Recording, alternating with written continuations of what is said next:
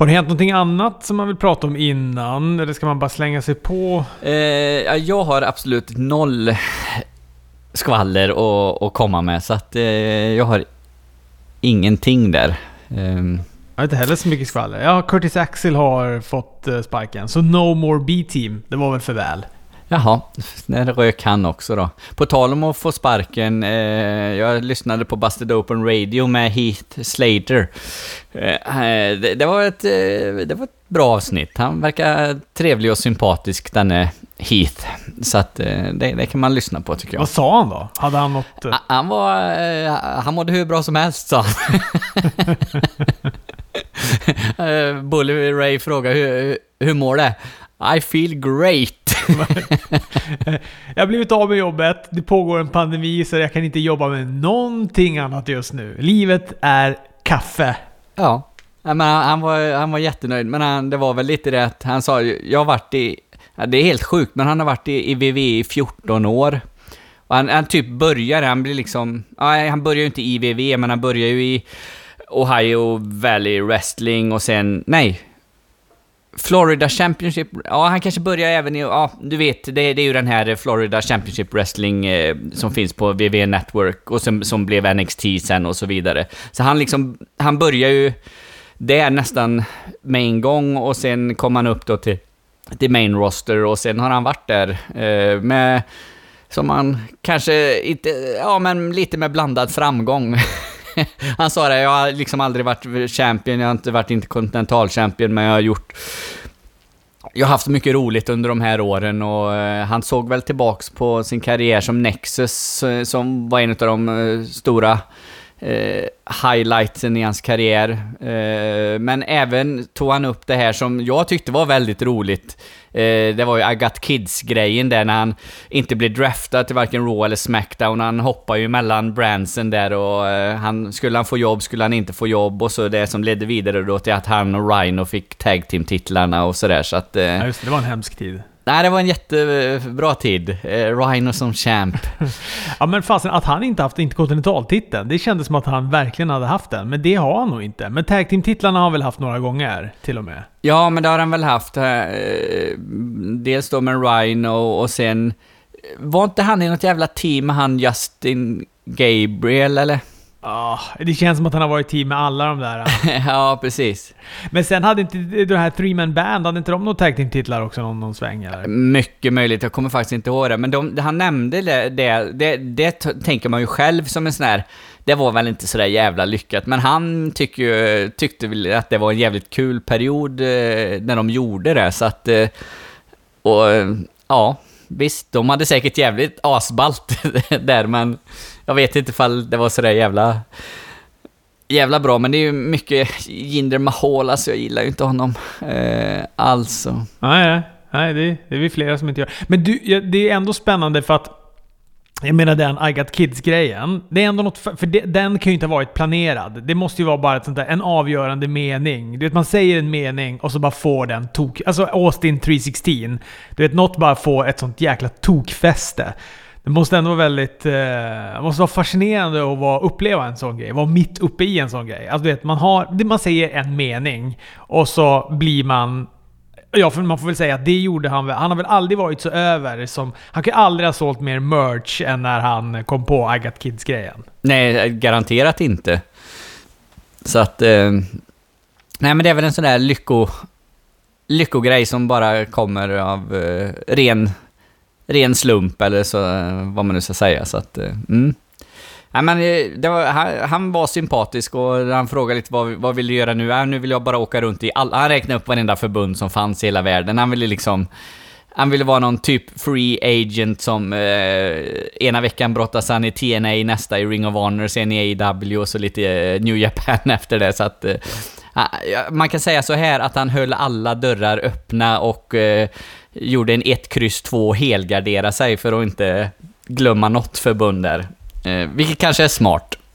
Såg att, eh, vad heter han, Cody, folk hade frågat Cody på någon Q&A eller något sånt där på, på Twitter tror jag det var. Om eh, ifall de var intresserade av att och plocka in Heath Slater. Och då hade Cody svarat att nej, han är inte intresserad av, av det och att han vill undvika att All Elite Wrestling blir ett All Friends Wrestling. Mm. Så att, eh, och nu hade Heath Slater också svarat någonting med att han... Eh, nähä, typ. Ja, okej. Så vi får väl se. Ja. Men det, kän- Heath Slater känns inte som ett AW-namn. Det tycker jag inte. Om inte att han kommer göra någon sån... Eh, typ den här The Bubbly Bunch-grejen. Som var... Alltså det, det tredje avsnittet och det, bara, och det är ännu bättre. Det är helt sjukt alltså. Det är typ ifall att, du vet, att han dyker upp i någon sån här där, gör någon cameo på sig själv eller något i, i, i något sånt. Fast jag tycker alltså... Alltså, det finns ju, and, det finns ju brottare i WWE som jag har... Eh, som jag hellre skulle vilja sett fått kicken än, eh, än Heath Slater. Sen har ju inte han använts någonting direkt nu det sista eller sådär. Och det, han är är ju någon typ av midcarder eller jobbers to the stars eller vad vi nu ska säga då, men... Eh, nej, fan. Det är inte så att jag kräks när han kommer in. Jag tycker att han har gjort en del roliga grejer och han som karaktär är inte...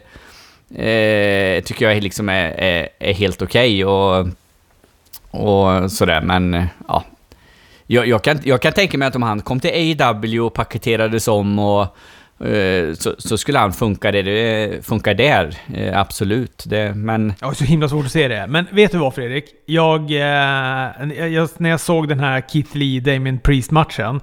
Det, det enda jag kunde tänka på var hur mycket jag avskydde Damien Priest, som hette någonting annat i Ring of Honor nu igen. pun, Punishment Martinez. Punishment. Alltså jag avskydde honom. Jag tyckte han var så jäkla tråkig. Och hur jag bara älskar honom i NXT. Och tycker att han... Och han, det är inte, det är inte jätte... Hans karaktär är ju inte ens så annorlunda. Han ser ju likadan ut. Han, han har ett annat namn och bara ett mycket, mycket, mycket bättre intro. Ja, nej men jag håller med. Jag gillar...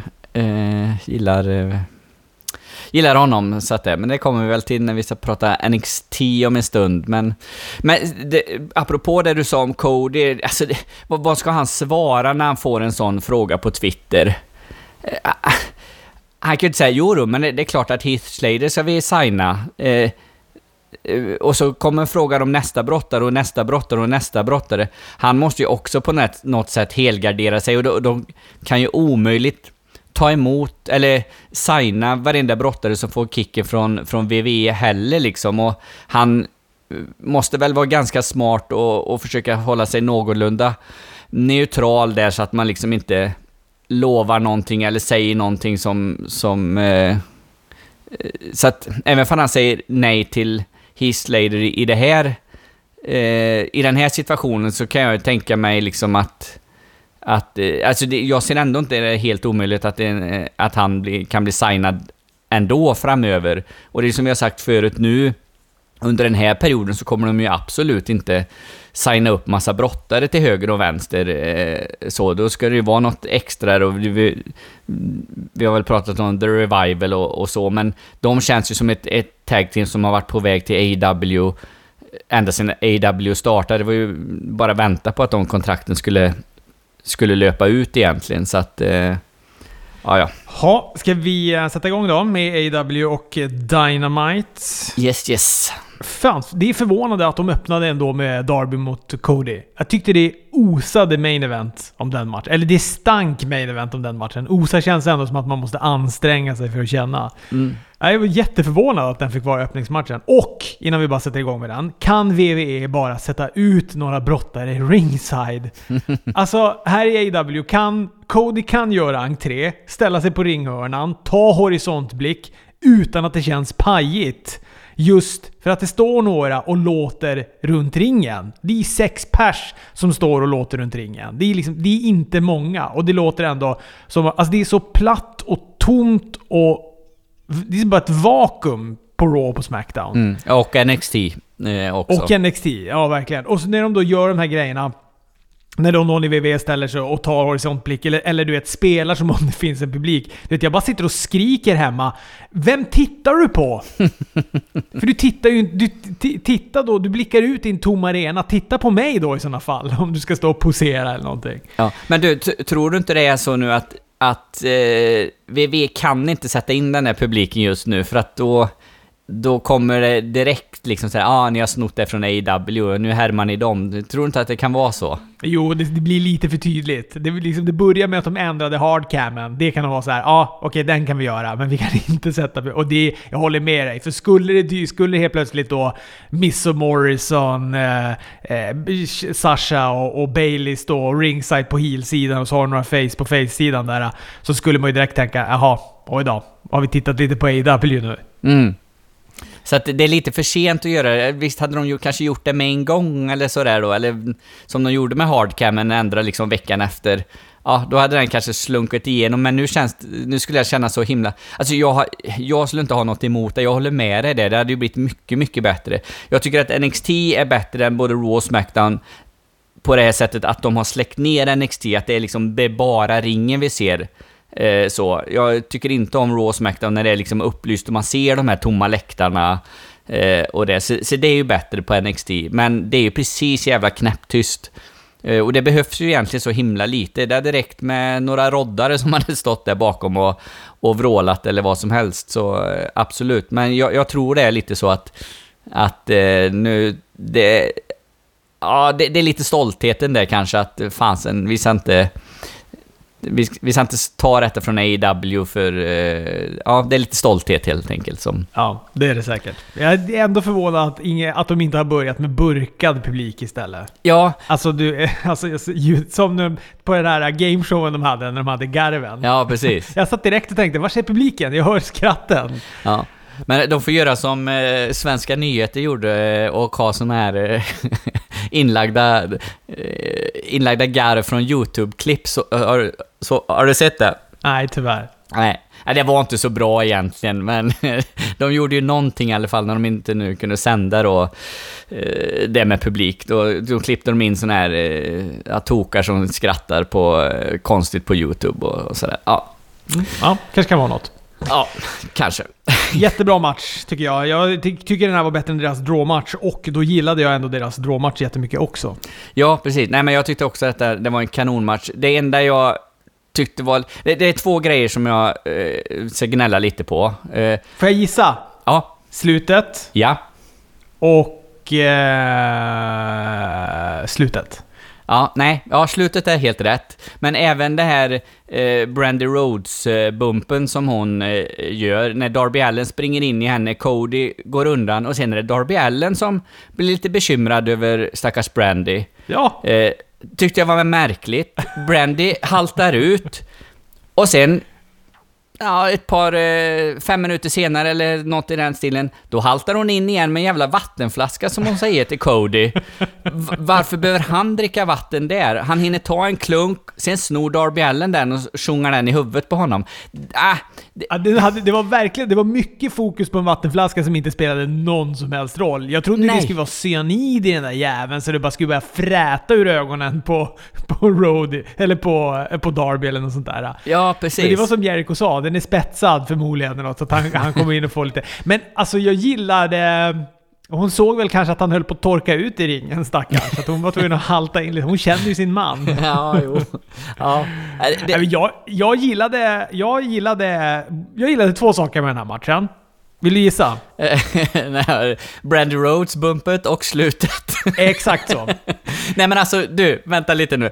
Slutet, ja, alltså slutet är, är bra som det är. Det var bara att de fuckade ju upp slutet. Jag, jag fattar liksom, de fuckar ju upp den pinnen med Cody där. Att de, att de gjorde på det sättet, när han först gör coffin-droppen och, och Darby Allen då som vet vad som ska komma kontrar den. Och sen går Darby Allen upp och gör en coffin-drop. Och när han ska pinna Cody så eh, vänder han den till eh, eh Cody till ett pinfall. Absolut, alltså jag gillar själva slutet så, men jag tyckte att de utför, det utförandet som var dåligt eh, i själva pinfall-grejen. Ja, för jag trodde, när det skedde så trodde jag att Darby vann. Ja, Och så började de spela Codys musik och jag bara... Jaha. Men då, då blev jag så glad att Cody vann för att jag kände att Cody har ingen annan titel att gå för. Och för att jag hela tiden, eller hela tiden, förra veckan började jag säga att Cody skulle vinna den här, äh, vinna den här bältet. Mm. 10-10-bältet. Så att, äh, nej men, ja. Jag tyckte att Brandy-grejen var cool för att jag tycker att det började lukta lite heel om, eh, om Cody. Alltså han, när han gör den där spelen, precis som du säger, det är, det är Darby som är bekymrad över vad som hänt. Cody skiter ju verkligen i henne. Han, han, är, han passar ju bara på att skicka en big boot i, i skallen på, på Darby istället. Han använder ju Brandy, att hon ligger där skadad, eh, genom att, att han tappar fokus. Men det där löser de hemma sen, vet du. Så det, det är inga Mm. problem Fredrik. Det är verkligen inga problem. Och eh, jag tycker också det är snyggt när han tar den. Alltså, eh, alltså Darby kör ju en crossroads och sen så kör han en figure four. Och sen så då haltar Brandy in med den här flaskan, sätter den i huvudet på Cody, följer upp dem med en stunner som Cody tar sig ur eh, efter pinfallet.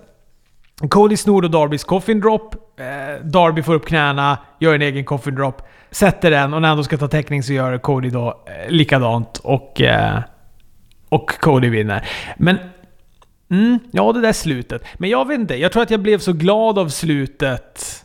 Jag blev bara glad av slutet. Och tyckte att det var innovativt. För att de lyckades lura mig.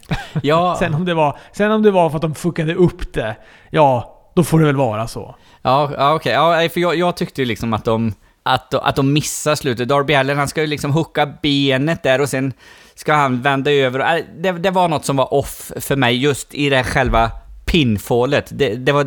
Och det, det blev så bara, äh, vad fan, skärp er liksom. Men, ja, alltså om vi nu ska bedöma matchen som någon he, helhet så, eh, fan det var, jävla, det var väl en jävla kanonmatch, givetvis. Jag gillar också att Cody, eller att Darby snor Codys grepp och Cody snor Darbys grepp. Mm. Jag gillade det. Mm. Tyckte det var kul att se. Det var när han, han direkt när han började... När, när Darby snodde hans crossroads. Redan där så...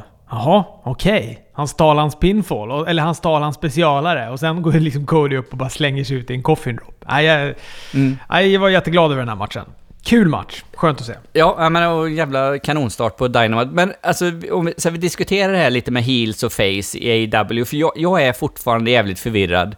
För, för, för jag såg ju Cody som en, en face i denna matchen och Darby som en heel, men sen det är ju inte jättelänge sen som jag tyckte att Darby var en en face. Så att det vänder ju jävligt snabbt. Och så om vi nu ska ta oss till sista matchen då, mellan, eh, mellan eh, Dustin Rhodes och Lance Archer, då är det ju übertydligt vem som är healen där, och det är ju Lance Archer, men det är ändå Cody Rhodes som kommer in som har varit lite healig i början på kvällen, men här ska han helt plötsligt vara face igen. Alltså, det här är, det, ja, det är något som, som skaver lite hos mig där, att, att de här Heel face-grejerna är lite otydliga ibland och att då i olika upplägg så är de lite olika.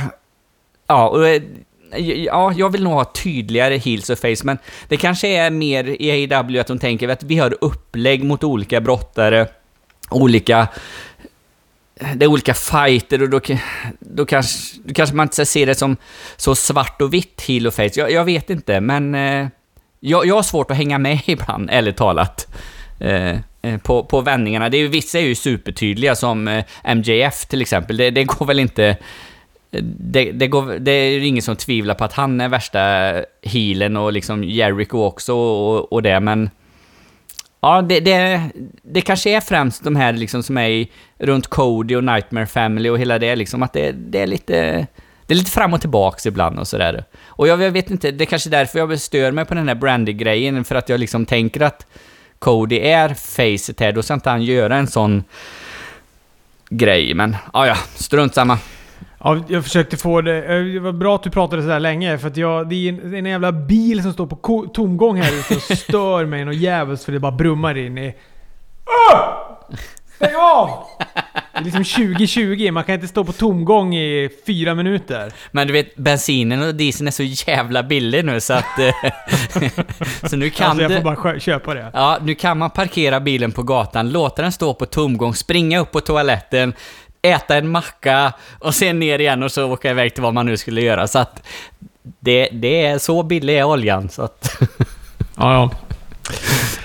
Ehm, um, MJF säger att han, uh, han kände sig som en taxichaufför som vägrar köra med GPS. Vilse. Jag tyckte det var jätte- Han, uh, han har återhämtat sig från sin nagelskada, men uh, när han skulle förbereda sig för TV då, rakade sig så sträckte han nacken.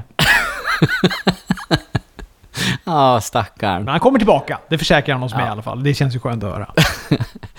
Det, här- alltså jag gillar han så jävla mycket. Det, det är så jävla gött att höra. Han liksom pratar med en som, som, som tittare och, liksom, och som fan och liksom, han liksom Ja, lindar in allt så fint och han, han tänker på oss som fans och hela det. Och sen kan han säga bara ett litet, litet ord eller en liten, liten mening som är så jävla syrlig och vass och elak som liksom talar om hur jävla healig han är. Han är fan briljant, MJF. Ja, verkligen. Kom det inte någon ruta där mot slutet att han skulle vara med nästa vecka, tror jag? Jo, det kanske... Jo, precis. Han skulle vara med där, ja. Ja, absolut. Men du vet, då har han... Eh, ja, då har han dratt en baksida eller något, du vet. Eller, ja, jag vet inte. Ja, precis. Han har såna här sendrag kanske då. Det, så, så kanske han har. Han har fått en enkelstöt och så... Eh, Är det den här punkten i armbågen som gör att det domnar av sådär jävligt? precis. Ja, och det vet man ju hur, hur det känns. Att, eh, ja, vi får se ifall han dyker upp. Wardlow eh, mosar någon kille som heter Musa, tror jag. Var det Musa de sa? Ja, Han fick in en örfil och någon dålig utförd rundspark. That's it. Men du, Wardlows grej från eh, topprepet var sjukt. Alltså han gjorde någon sorts go to sleep fast motståndaren liggandes på repet istället för över axlarna. Rått! Mm, verkligen. Nej, fan, jag gillar Wardlow. Eh, tänkte först att ja, men det är bara en sån där stor jävla biff som inte kan göra någonting, men han har inte gjort jättemycket än heller, för han har gått mot eh, jobbers här nu i, ett par veckor, men eh, jag, jag gillar, gillar han. Det ska bli kul att se han gå eh, andra matcher mot eh, lite mer namnkunniga brottare framöver, så att... Eh, Mm, verkligen. Vinner på sin F10 också. Den har vi ju tjatat om. Den är ju snygg. mm. Sen kommer avsnitt tre av The Bubbly Bunch. Jericho i ett... Eh, det är ett TV-shops-gym. Alltså han har såna här TV-shops-prylar liggandes. Ab-slider och allt vad det nu kan heta. De där dåliga, dåliga TV-shops-grejerna som, eh, ja, som man kunde köpa på, på 90-talet. Han tränar också i sin glittriga kostym. Det tycker jag är väldigt härligt att se. Sen startar då någon sorts något slagsmål. Jag vet inte hur jag ska förklara det, men det var, det var bland det roligaste jag sett. Ja, eh, hur många, hur många cameos kan du namedroppa? Nej, men jag, det var väl Jerikos farsa var med, såg jag bland annat. Och sen var det ju då en massa... För först trodde jag det bara skulle vara ett slagsmål mellan dem, men sen när Peter Avalon dök upp helt plötsligt, för att han åkte på någon dansk skalle av Ortiz, så att han liksom rullar bakåt. Och sen var det bara en boll som rullade. Men du, jag såg Hulken i alla fall. Vad heter han? F- Mm. Louis Fri- Frigo? Frigo? Eller något sånt där. Ja, Lou, Fer- Lou Ferrigno. Ferrigno, så heter han ja. Ja. Och det, bara det tyckte jag var så himla härligt. Mm. Men sen var det ju Ga- eh, Gabriel Iglesias, det är väl en stand-up-komiker. Corey Taylor, sångare i Slipknot. Duff McKagan från Guns N' Roses. Virgil och så tyckte jag det fan det bästa var nog ändå Vicky Guerrero i slutet.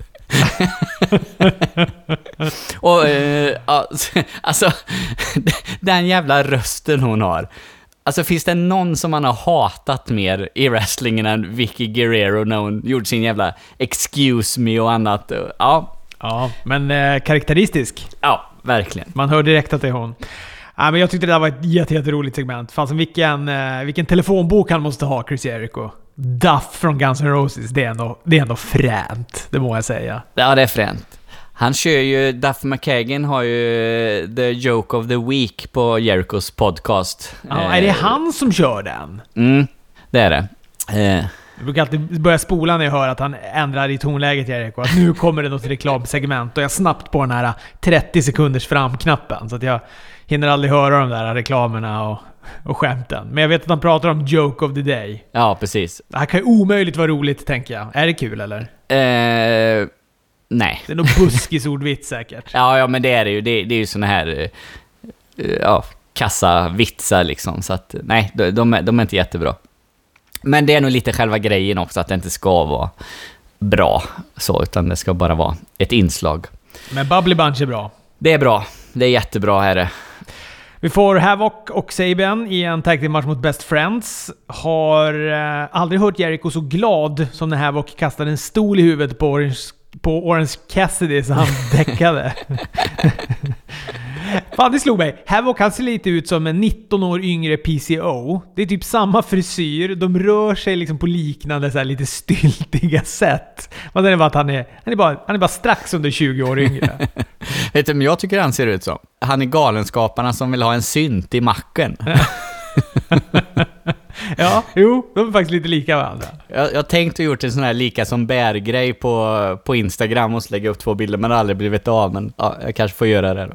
Jag tycker det är en jätteunderhållande match det här. Ja, oerhört. Jag tycker det är en jävla kanonmatch det här. Det är, det är helt en match i min smak alltså. Det är... Ja, det förstår jag. Det är stolar och den där lilla livsfarliga stegen också. Den där lilla, lilla stegen. Ja. De lärde sig inte sen förra veckan. Nu tror jag till och med de kommenterat att ah, den är... There's no give in that ladder. Nej, vi, vi såg det sist när Sammy Guevara dog på den.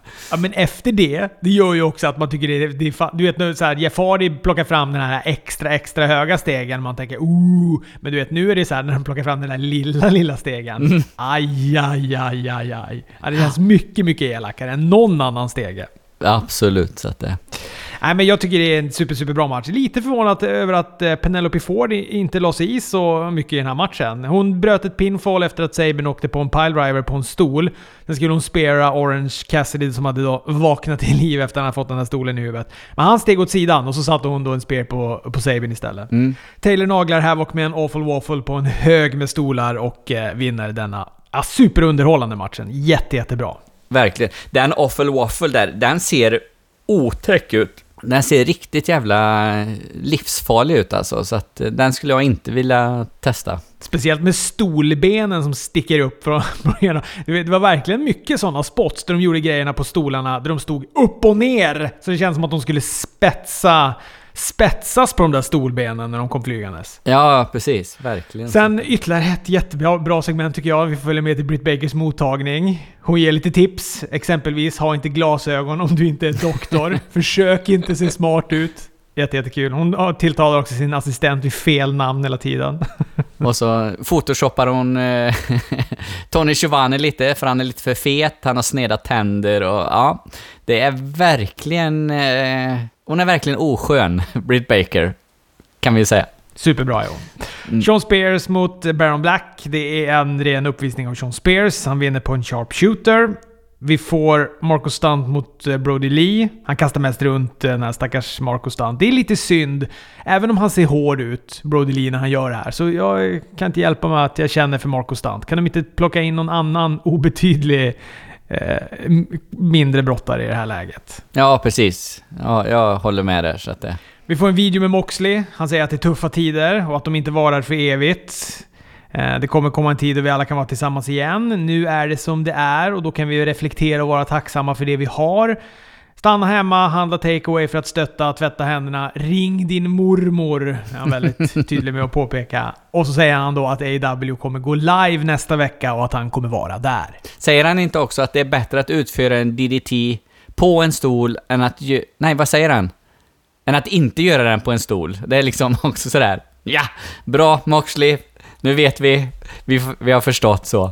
Men framförallt, call your grandmother! Ja. Nej, den var, ja, det var jättebra. Och sen får vi då main eventet Lance Archer mot Dustin Rhodes. Den här gången hade till och med Archer med sig någon stackars slagpåse in till ringen som han då sänker. Det är en oortodox entré må jag säga det där. Ja. Han går in och nitar någon. Ja, Han tar absolut. med sig, nu nöjer han sig inte med att bara ta någon som står där, utan nu har han till och med med sig en slagpåse in.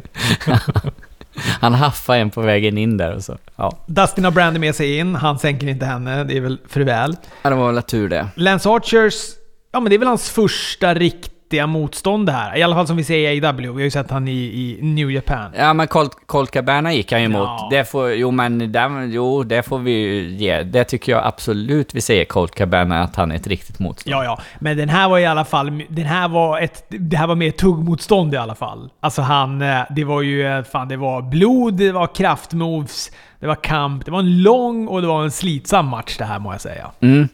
Jag tyckte så här att första halvan var väldigt seg. Sen tog det sig någonstans där efter att han, Lance Archer, gör det här reptricket alla Undertaker och en moonsault efter, som var jävligt snyggt. Efter det så tyckte jag att matchen tog sig... Eh, andra, andra halvan, tummarna upp. Första halvan, mm, lite segt. Men jag tänker nog också att det behöver vara sådär för att man ska uppleva att den... För när jag hade sett den här klar så kände jag verkligen att det var... Ja men det var en, en kamp. Det var en kampmatch det här. Lite som, nu slog ju du av det, men lite som Jake Hager mot Moxley när han hade den här Empty Arena-matchen. Alltså det är som att det måste börja lite trevande när det ska hålla ut sådär länge. Och att de, för att de ska kunna göra den här uppväxlingen mot slutet. Och så att, det också, så att man bara ska få känslan att de har fått slita som djur för att ta sig igenom den här matchen. Och jag tyckte nästan det behövdes för att den här matchen skulle kunna vara ett main event. För att nu när den var klar så kände jag, ja, men det var ändå ett bra main event att lägga den här som sista matchen. För jag, som jag sa innan, jag var ju så himla säker på att Cody och Darby skulle vara main event-matchen. Och att den nästan borde ha varit det för den var så fruktansvärt bra. Nu var ju den bättre, men den var också bättre på ett annat sätt än vad den här matchen var. Jag, men jag, jag vet inte, jag bara uppskattade dramaturgin. Och som du säger, den här Undertaker-vandringen han gör, fast då istället för något menlöst hopp med näven så bara slår han en moonsault-jävel, Lance Archer. Alltså, han är ju stor också. Mm. Så att, nej, jag, riktigt imponerande. Och så sliter han lös kudden i ringhörnan. Upprepande gånger slår han hans huvud i den. QT Marcel kommer in springandes med handduk. Han vill kasta in den så domaren ska kunna avbryta matchen. Cody kommer in, hindrar det. Archer sätter sig och bara dunkar huvudet i mattan. Eh, med, ett klågrepp eh, på Dustin. Och sen så räknar han ut han och vinner. Mm. Nej men fasen, jag tycker verkligen att det här... äh, Jag, jag, de, jag pratade ju om att de hade peggat upp den här äh, Dynamite-episoden väldigt mycket i Wrestling Observer. Att det skulle vara en av de bästa sen de äh, startade Dynamite överhuvudtaget. Och... Ja, det var absolut den bästa utan publik-dynamiten. Eh, jag tyckte det var... Alltså det var... Alla matcher var fasen bra. Förutom någon uppvisningsmatch här och där. Men det som var bra var ju så fruktansvärt bra. Jo, men det, det, var, det var ett bra avsnitt, eh, absolut. Jag tror, eh, men det är som du säger, jag tänker inte ge det toppbetyg overall på Dynamite. För det finns många Dynamite-avsnitt med publik som, varit, som har varit bättre. Men eh, som du säger, utan publik och under de här förutsättningarna, eh, ett, ett, eh, ett kanonavsnitt av, av AEW denna veckan. Och så får vi då Dust, eller vad säger jag, Cody Rhodes och, och Lance Archer då. Det här som de har som de har jobbat för i, i, i flera eh, veckor eller, eller månader till och med sen Lance Archer gjorde debut med och Jake the Snake och hela det. Så att får vi avslutningen på den faden, eller ja, avslutning och avslutning, men vi får no, någon typ av eh, klimax. Men är, ska denna gå på, eh, på Double or Nothing då, är det tänkt? Förmodar att den ska göra det. Jag har ju inte hört någonting om att den finalen ska vara nu nästa vecka. Jag tror väl att egentligen så hade de nästa veckas avsnitt inspelad, för jag har för mig att jag läste att de hade till mitten av maj. Mm. Men att de nu bara väljer att gå, gå eh, live, för att de har väl möjligheten att göra det. Ehm, det var något mer som de pratade om. Jo, jo, för att den här matchen, egentligen så var den här matchen Lance Archer mot Dustin Rhodes, den var egentligen för från den bandningen som de hade satt till nästa vecka. Ja, okej. Det är därför Brandy kommer in och inte säljer sin skada överhuvudtaget från första matchen och har helt andra kläder på sig när hon kommer in med Dustin Rhodes där i slutet. Men det, hon hinner ju svi, svida om. Jag reagerar inte över det. Eller Nej, inte jag heller. jag, ja, ja, precis. Jag tänkte att hon bara hade tagit på sig lite mer färgmatchande kläder med Dustin Rhodes. Så gör väl en, eh, en dedikerad manager. Absolut, det, det tycker jag nog. Nej, det, det, det, eller jag tänkte på att hon hade andra kläder, men jag reager- reagerar inte på som att det skulle varit någon, då någon miss eller något sånt där, utan eh, jag, precis som du, eh, att fan, man byter om. Ha! Ja! NXT. Mm. Beth Phoenix och Mauro Ronaldo är tillbaka. Två röster jag känner att jag saknat. De är inte på plats dock. Förmodligen eh, bandat i efterhand. Eller jag tror att jag läste att det var bandat i deras hem. Sådär. Men det kändes inte så... Tyckte ändå de var ovanligt synkade. Man hörde ibland att Beth Phoenix började säga någonting och så bröt Mauro in. Och så du vet, fick hon vara tyst för att hon hörde att... Att ja, just det. Han, han var inte klar med sin mening där. Det var väl det enda som jag kunde reagera på. Men annars så kändes det väldigt autentiskt. Ja, jo men det gjorde det väl. Jag tänkte också på det någon gång att det kom någon sån där one-liner från Beth Phoenix lite... Lite otajmat eller liksom, tänkte, hon, hon bara sa en kort grej om någonting och jag tänkte... var, var konst... Jag tyckte att det lät lite konstigt, men det, det är ju förklaringen då att, att de satt och bandade på två olika ställen. Jag kan fatta att det inte är helt, helt enkelt alltid. Vi försökte ju förra veckan att banda det här med, med fördröjning. Det gick ju... ja, det, det är alltid en utmaning. ja, det är en utmaning kan man säga. Att, du, um, Isaiah Swerve Scott mot uh, Fantasma. Det är den här uh, Cruiserweight turneringen som de är mitt uppe i. Jag säger Fantasma, det kort, den korta versionen. Det är ju så han kommer heta sen då. Så for, I alla fall så fort han sätter fötterna på main rosten. Eh, det, du var inte så imponerad över hans debut förra veckan. Hur kände du här? Eh, jag tycker att eh, han gör en bättre match, men jag tycker inte att han visar något sådär som att eh, som, som jag blir sådär supersugen. Åh oh, fan, nu, vill jag, nu kommer eh, Fantasma nästa vecka och ska köra en match.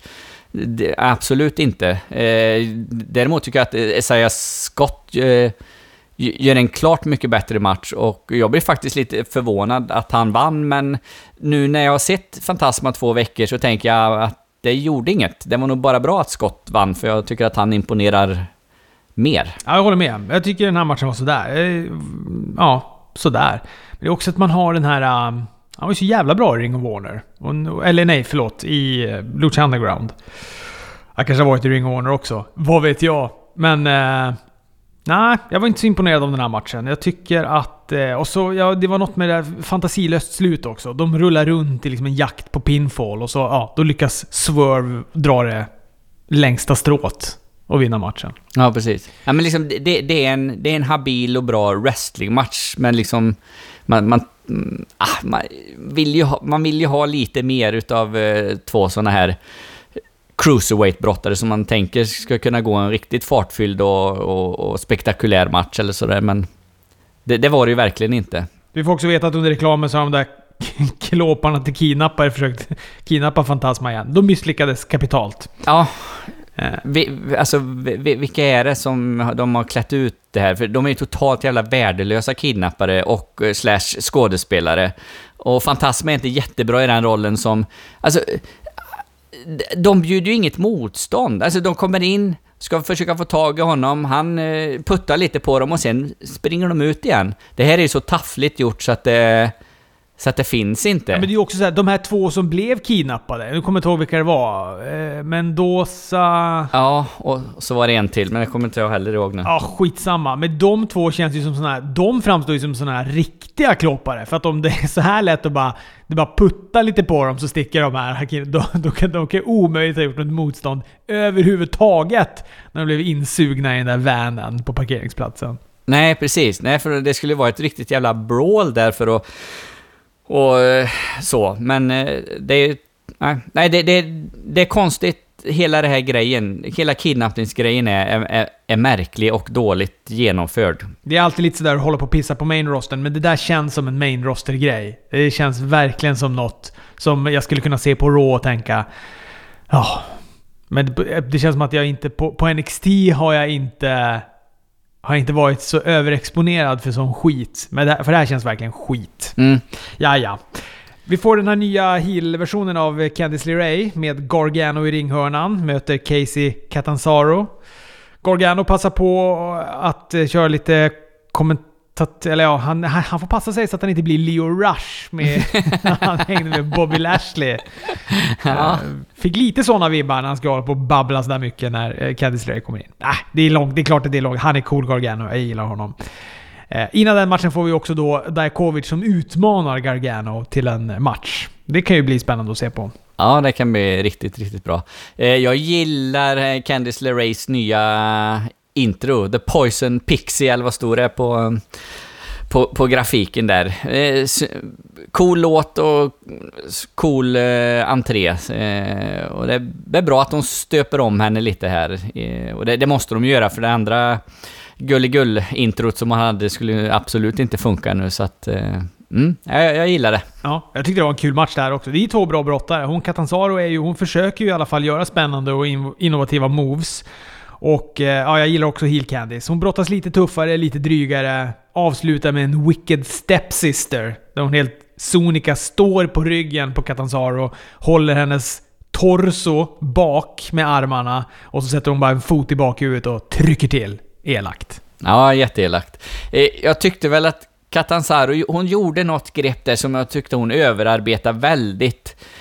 Det var typ någon elbow drop eller något sånt där som hon hoppa upp och flexa upp med ena benet och så. Äh, jag, jag fattar på något sätt att hon gör det för att hon ska vara den här liksom superatleten, hon har väl vunnit Ninja Warrior och ja, du vet liksom och, och sådär, men... Ja, ibland så... Eh, jag, jag tyckte hon krånglade till det lite för sig, för det... Det är synd att de inte använder henne mer tycker jag. Alltså om hon skulle användas mer så skulle hon säkert bli mer in... Alltså inarbetad i sin roll. För att hon har ju verkligen någonting. Hon har ju förmågan till att göra de här väldigt innovativa. Hon är ju väldigt liten dock. Men det är... Eh, alltså man behöver ju inte vara en... Man behöver inte vara en Marco Stunt till Brody Lee bara för att man är liten. Nej, nej. Absolut inte. Så att det... Nej, men det finns väl absolut kapacitet hos, hos henne eh, så, men... Det är som du säger, hon används ju väldigt sällan och, och sådär så att då... Ah, jag, jag rycker lite på axlarna när hon kommer in, ärligt talat, för jag bryr mig inte så mycket om henne. Men det är klart, skulle hon varit med mer och gått mer matcher och sådär och visat mer vad hon kan så... Absolut, hon skulle väl kunna bli jättebra. Jag tror att hon var borta ett tag va? Hon, hon var ju där ett tag, en del av NXT. Sen tror jag hon slutade, eller om hon bara var borta av andra anledningar. Och sen gjorde hon ju någon comeback för ett ja, för kanske några månader sedan, ett halvår sedan eller något sånt där. Ja, okej. Okay. Ja, just det. Och då twittrade väl, för då var det väl lite såhär, är hon tillbaka? Och då tror jag att Ricochet twittrade ut att såhär, ja, she's back eller någonting, någonting i den stilen. Mm. Så att, ja, vi får väl se. Det är kul tycker jag när hon tar sig in i ringen. Det är, hon, det är Spindelmannen går på ringstolpen där ute. Hon, hon får också se ut som att det, att det inte är svårt överhuvudtaget. Nej, nej. Det ser lätt och smidigt ut. Riddle lanserar en ny gameshow, The Newly Bro Show, för att Timothy och Riddle ska lära känna varandra bättre. Hur kände du när den här gameshowen kom? ja, och, om, vi, vi, om vi, vi, tänker så här, innan, innan du har sett liksom resultatet av den, bara när att det skulle bli en gameshow på NXT, hur, hur kände du då? Ja, men alltså vet du, jag vet så här. Jag ska, ändå, jag ska ändå säga att jag skrattade till några gånger under den här gameshowen. Jag tyckte den var stundtals underhållande. Det är ju mycket tack vare Matt Riddle, för att han är... jag älskar att se honom. och... Eh, Ah, men jag låg ju inte dubbelt som jag gör när jag ser på The Bubbly Bunch. Nej, men jag, jag tyckte också att, jag tyckte att den var underhållande. Matt Riddle är, är ju rolig. Jag tyckte Byron var, var jävligt bra som, som programledare. Som där, han, han, liksom, han spelar ju verkligen över. Så att, eh, ja, den tyckte jag att han nailade. Men sen är det lite som du var inne på innan, att det, det är liksom, det är lite sån main roster grej det här. Och jag, jag känner att NXT blir mer och mer main roster-ifierat. Eh, för sådana här grejer har vi väl egentligen inte sett på NXT så mycket som sådana här, ja, som ja, såna här, eh, vet du alltså Miss TV och, och, och, och, och liknande grejer. Och jag tycker egentligen att det inte behövs på NXT. Eh, och jag kanske kan tycka att i vissa fall kan, att de kan dra ner på dem på, på Raw och Smackdown också. Jag har inget emot att det finns några enstaka, men ibland går det lite inflation i det hela. Och alla brottare så har sin egna eh, sån här talkshow-variant. Ja, men det här har vi pratat om tidigare också, att om, om när man ser wrestling nu som sports entertainment då, i någon sorts eh, dubbelbegrepp, så är ju Raw Smackdown, det bara, det bara dräller ju om sån här entertainment sports entertainment-prylar. Så att man, precis som du känner, att man säger, taggar ner på de där grejerna. Eh, och så sen så har vi då NXT där det verkligen bara är wrestling. Alltså de har ju nästan aldrig några såna här grejer, utan det är ju bara, bara wrestlingmatcher. Och så har vi AEW då som man kanske tänker skulle vara de som bara hade wrestling, som har en ganska perfekt balans mellan sports entertainment och eh, wrestling. Så att, eh, men ja, nej men jag håller med. Det, är, eh, det här kanske var ett, eh, ett segment som man hade kunnat leva utan.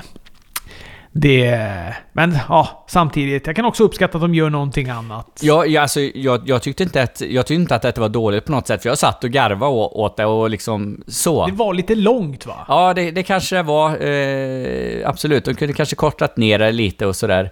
Men sen fick vi ju Fabian Eichner och Marcel Bartel kommer in och attackerar dem på slutet och sådär. Det, det var skönt tycker jag, så att det, så att det bröt av det hela och att det fick lite mer wrestlingupplägg och en, en fortsättning på deras deras fade. Jag gillar, fan jag gillar Eichner och Bartell mer och mer när jag ser att de fan är ju stencoola.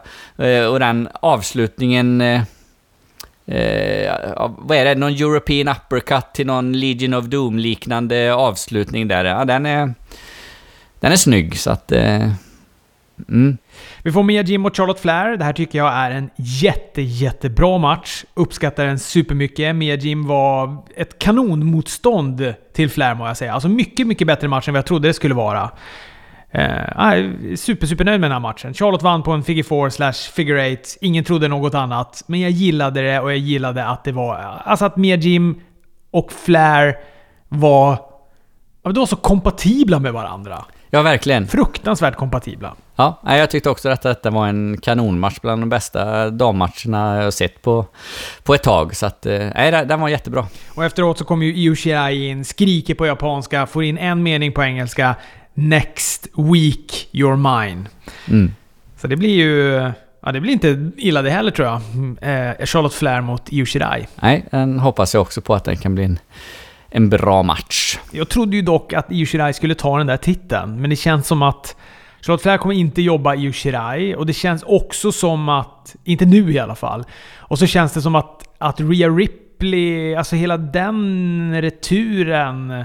Alltså det känns inte avklarat, Rhea Ripley, Charlotte Flair. Nu är hon helt borta Rhea Ripley. Hon kanske kommer tillbaka och är ompaketerad som heel eller de kanske blir någon, någon tag team eller någon duo eller något sånt där hon och och, och Charlotte. Jag vet inte riktigt varför det är de håller henne borta. Eller om det, eller hon kanske bara är sjuk. Eller inte vill vara, i och för sig, på de här inspelningarna. Det, den orsaken finns ju givetvis också. Men det bara känns inte som att det är utarbetat helt och hållet. Rhea Ripley, Charlotte Flair-upplägget. Nej, absolut inte. Så att det, och jag tror som du också att Yoshirai kommer ju inte ta bältet på, på en random eh, NXT-onsdag utan publik. Eh, kan inte, kan inte tänka mig att Charlotte Flair vill släppa sitt bälte där. Så att, eh, eller vad hon vill och vill, jag vet inte hur mycket hon har att säga till om. Men, eh, nej, men det, det, känns ju inte så i alla fall. Så att, eh.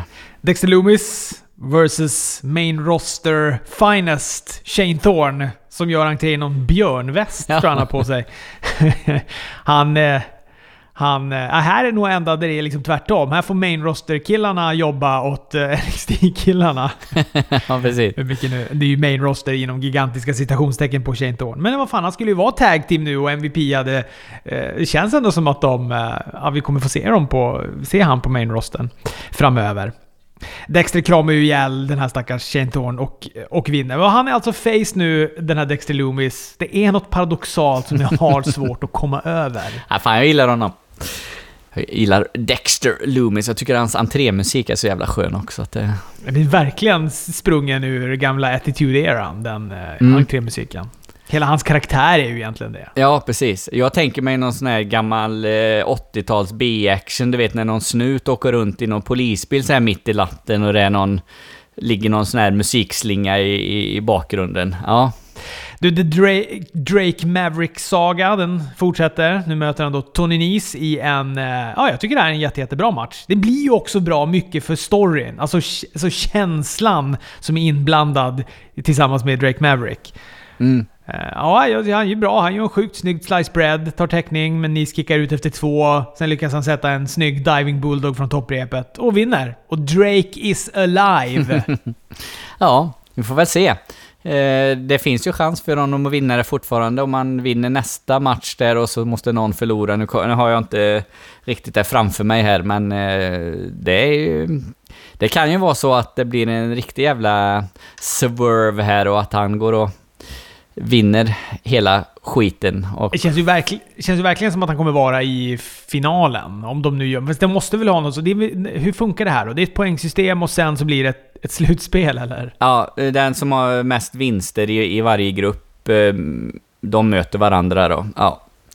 Och nu har han ju... Han har ju 1-1 och en vinst och en förlust. Men vinner han nästa så har han ju två vinster och så... Jag tror att det kunde bli om jag nu minns det rätt, så kunde det bli två stycken då som fick eh, två vinster och en förlust i, i hans grupp. Och då vet jag inte hur de kommer lösa det eh, där på något sätt. Men ah, ja.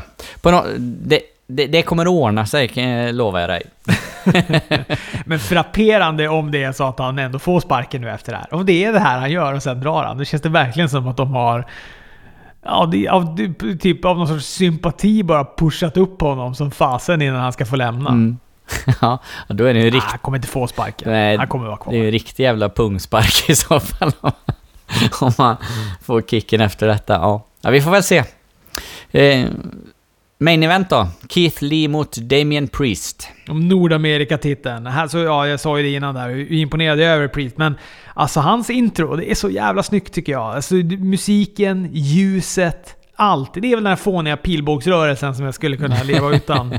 Men, eh, men allt annat är så bra så att jag, då känner jag att jag, jag kommer över att han, att han pysslar med den. Mm. Jag tycker den här matchen är jättebra. Jag tycker den är röjig. Han gör någon cool corkscrew-grej där, Keith Lee. Alltså från ringen ut över topprepet. La, ser ut som att han landar illa på armen, men, men verkade ju klara sig Mm. eh, ganska bra där. Det är snyggt också när Lee... eh, När de står utanför barrikaderna och Lee plockar upp eh, Damien Priest och slänger honom ända in på, på ringkanten. Det är... Det är styrka det. Så att... Eh, Han är, det är flera sådana där grejer som Keith Lee gör som är så jäkla starkt alltså. Han gör ju också, han lyfter ju upp... Eh, alltså båda gör ju för sig starka grejer. För Lee går ju för sin spirit bomb och då slår ju Priest sig ur och så sätter han en Falcon Arrow på eh, Keith Lee. Alltså det är strångt gjort alltså. Och Keith Lee lyfter upp Priest från utkanten av ringen upp över topprepet och slår sin eh, suplex. Det är också sjukt starkt. mm. Så det var mycket såna, mycket, mycket såna grejer. Ja, han gör... Eh, Priest gör väl någon grej från repet också när eh, Lee fångar upp honom. Jag kommer inte exakt ihåg vad han gör nu. Eh, gör han någon moonsault eller något liknande och så han bara suger tag i honom. Ja, det, men det är som du säger, de gör många av de här grejerna. Men det, det har de ju gjort i alla de här matcherna. Dajakovic och, och Lee gjorde ju det i sina matcher också när de liksom avbryta eller kontra den andres grepp genom att liksom fånga dem mitt i luften eller ja, så man tänker att det, det går fan inte att göra det men ja, S snyggt, snyggt är det i alla fall. Ja, verkligen. Priest går ju för sin stilettbatong.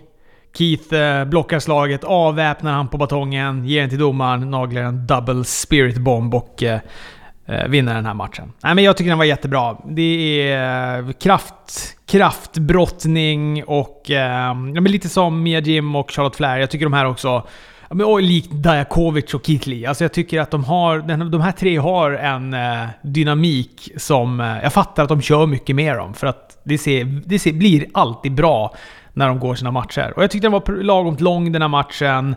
Eh, ja, röjig.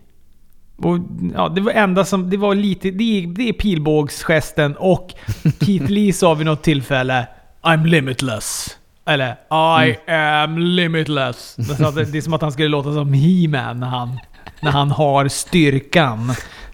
och det kan jag väl tycka känns lite... Ah, det är sådär. Ja, Då, då, då ryser jag lite. Det är lite cringe shit. Lite cringe där. Mm. Men jag är nöjd. Ja. Superbra NXT, ett ännu bättre AW. ja, typ så. Jag håller, håller med. Det var en bra wrestling-onsdag vi fick med, med de här två. Nästa vecka får vi, får vi se då ifall vi får Dream mot Cole.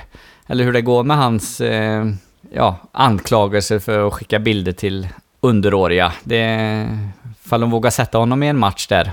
Eller hur det går med det. Men det, det får vi se då. Ja, det var, jag tyckte det var... eh, Jag var ändå förvånad över att de peggade för den matchen. Mm. Men de eh, kanske är... Vi har ju för sig dömt honom innan, innan något... Finns det ens en anmälan? Jag har ingen aning. Nej, jag, Men det, det, det känns som eh, att eh, de... Ja, ja, jag vet inte. Skitsamma. Vi får se om det blir av en match eller inte. Precis, det får vi. Och så Karrion Cross ska göra sitt första, sin första match också. Det ska bli spännande att se. Just det, och då får vi, borde vi få se Scarlett Bordeaux också. Undrar vad hon kommer heta? Det känns inte som att hon kommer heta det. Nej, precis. Man fick ju se henne nu eh, på de här... Det var, det var ju någon video eh, under programmet. Då fick man ju se hennes ansikte. Det har man ju inte fått förut, eller? Ja, lite då i den där bilen, men då var det ju svårt att, att, att se överhuvudtaget vilka som satt i den efter Gargano och Champa-matchen. Men eh, annars har man ju bara fått se hennes fötter, eller skor åtminstone. Så att, eh, ja. Men, men, vi tackar er som har lyssnat. Vi hörs nästa vecka. Ha det gött. Hej!